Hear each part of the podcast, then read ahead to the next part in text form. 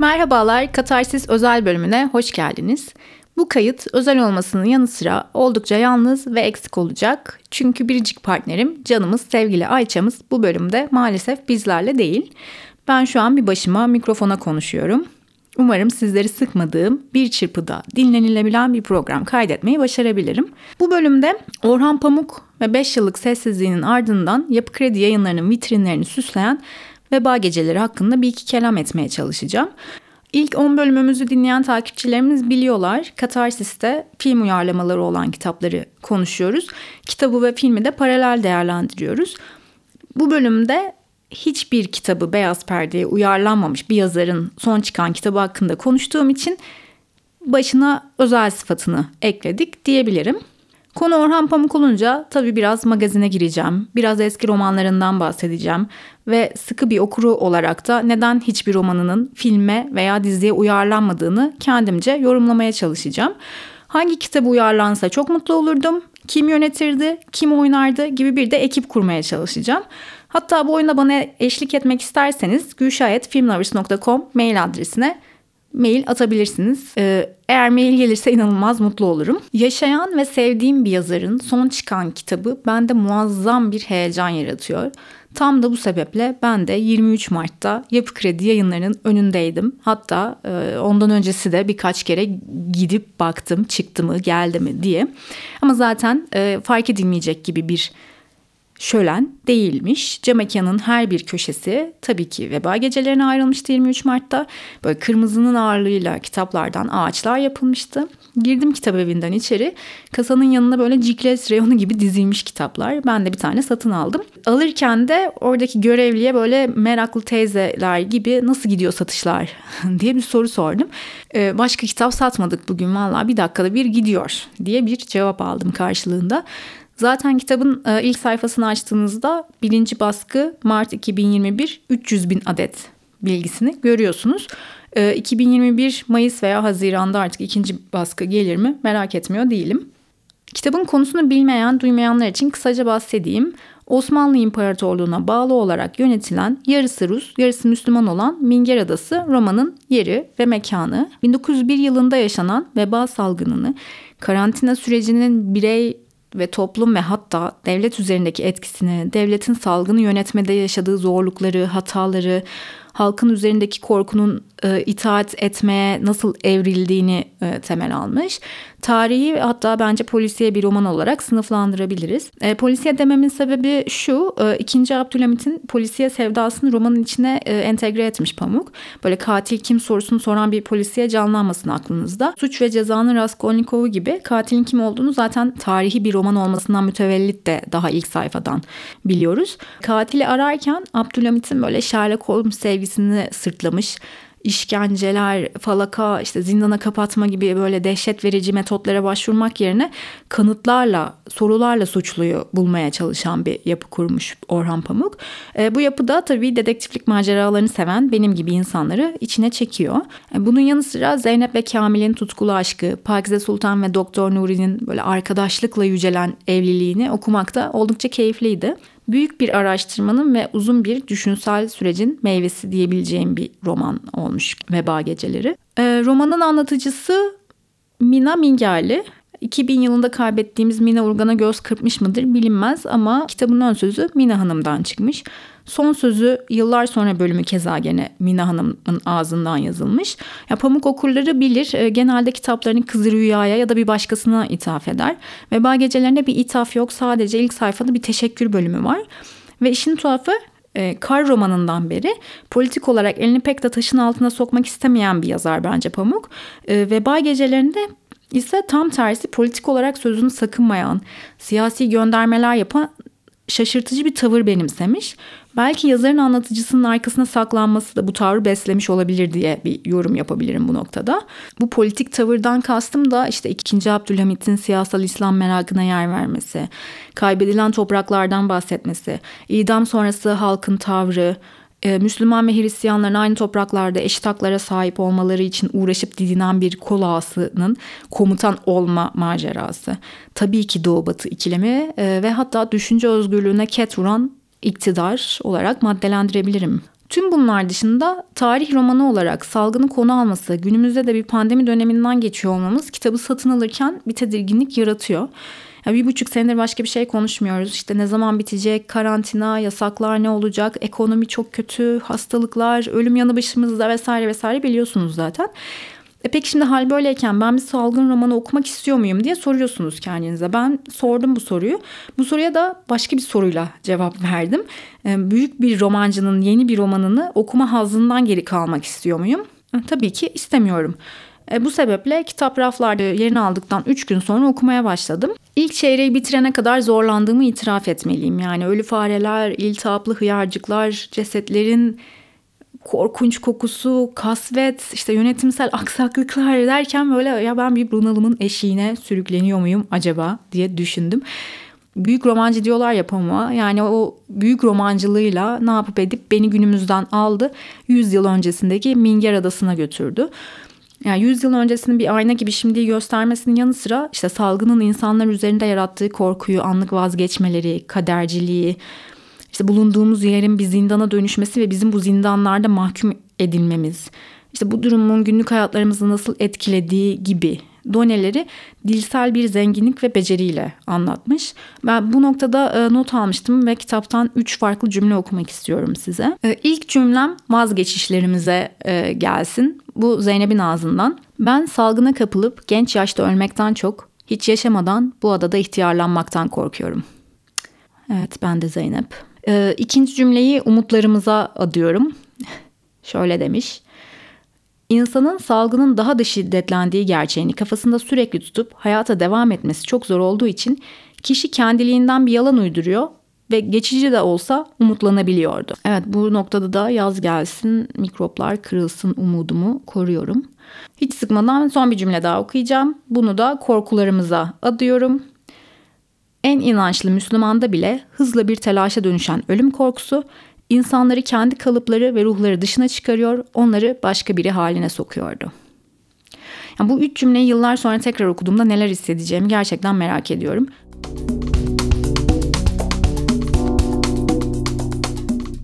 Ee, programın başında magazin demiştim. Ee, Pamuk'un kitabı 5 yıl önce yazmaya başladığı ve 40 yıldır bu kitabı düşündüğü konuşuluyor. Yani röportajlarından alıntılar yapılmış herhalde. Ee, bazı kaynaklar e, kitabı geçtiğimiz yıl bitirdiğini ama salgın döneminde bir salgın kitabı çıkartılmasının ticari olarak da çok iyi bir eşleşme olmadığını düşündükleri için bir yıl daha beklediklerini ve bu dönemde de kitabın bazı bölümlerine pamuğun eklemeler yaptığını yazmış. Kendisinin ağzından da sanırım son bir yılda telaşla kitabı bitirdim gibi bir cümle duymuştum. Eğer yani kitabının çıkmasını bir yıl beklediyse son bir yıl onun için ne kadar tuhaf geçmiştir hayal bile edemiyorum. Ben mesela bir okurum ve bir kitabı bitirmeden bir sonrakine başlayamıyorum. Yarıda bıraktığım zaman bir kitabı içim rahat etmiyor yani. O yüzden bir sonrakine geçmek için e, hızlıca o kitabı tüketmek istiyorum.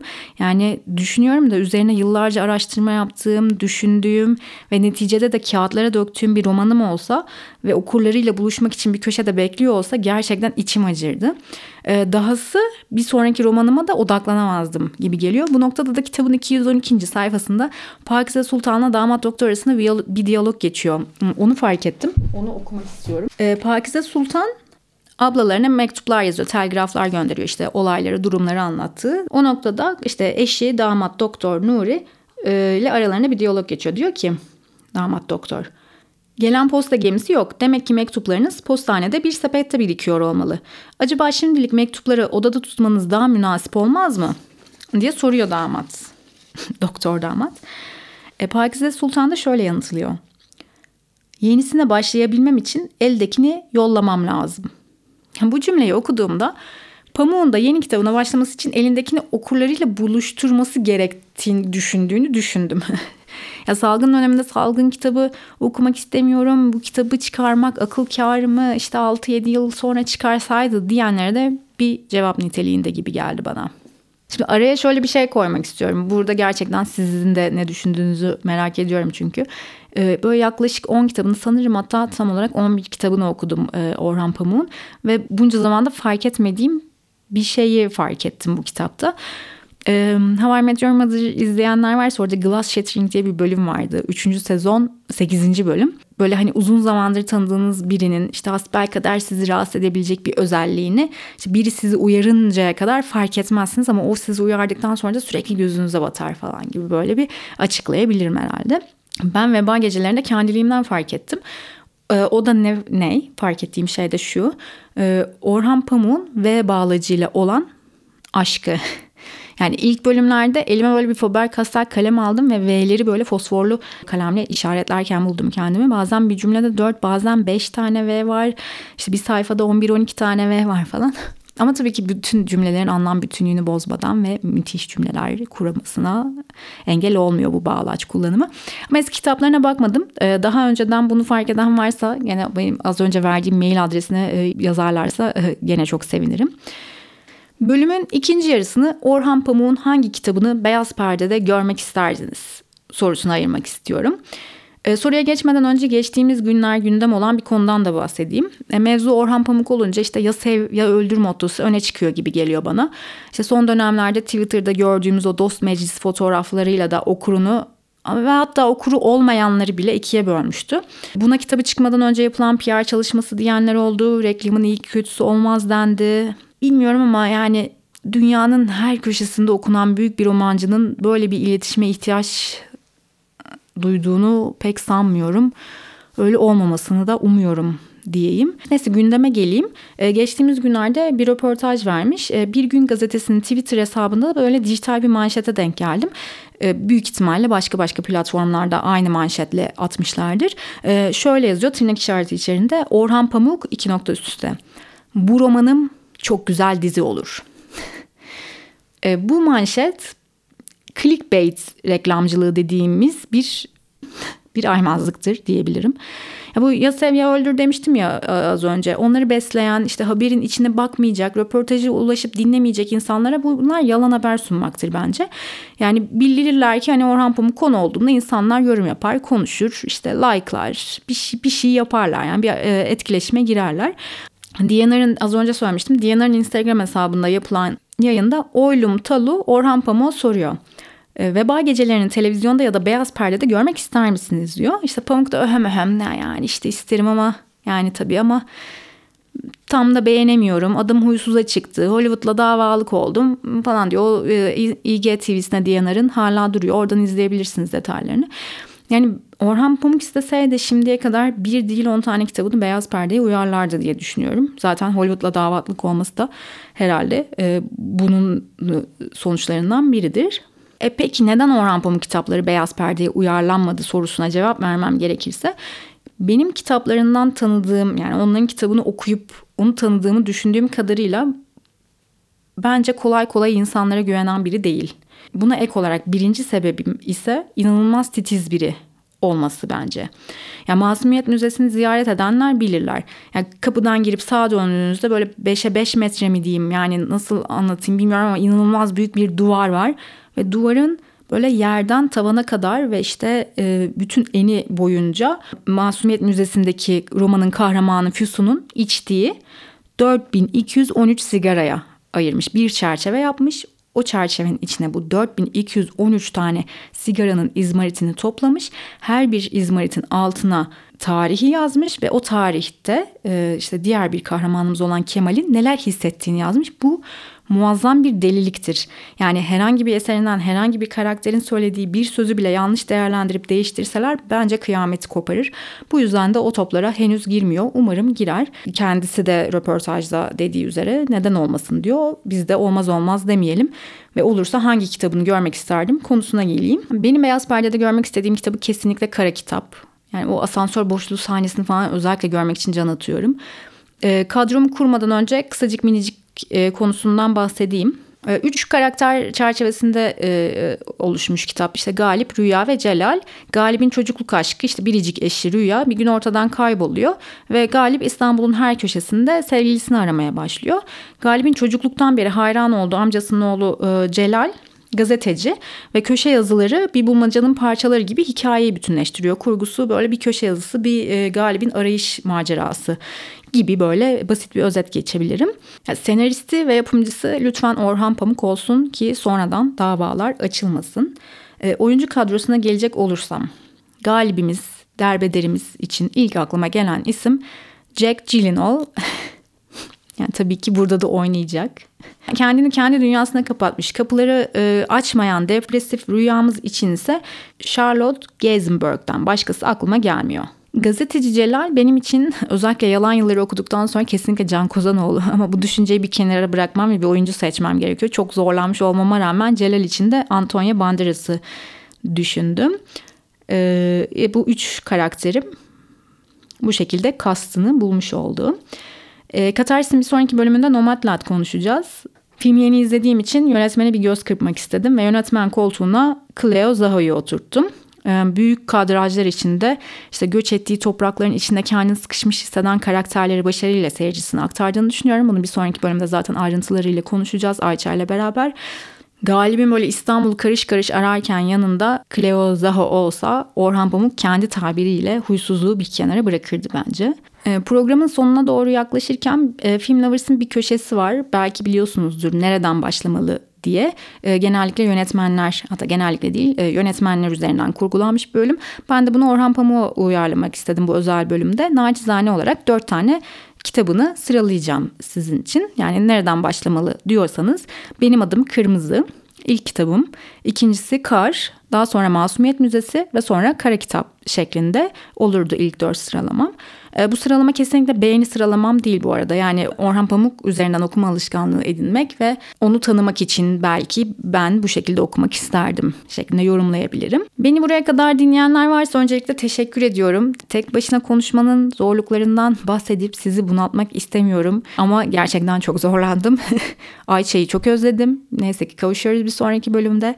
E, sürçülisan ettiysem affola. Bitirmeden son bir şey daha söylemek istiyorum.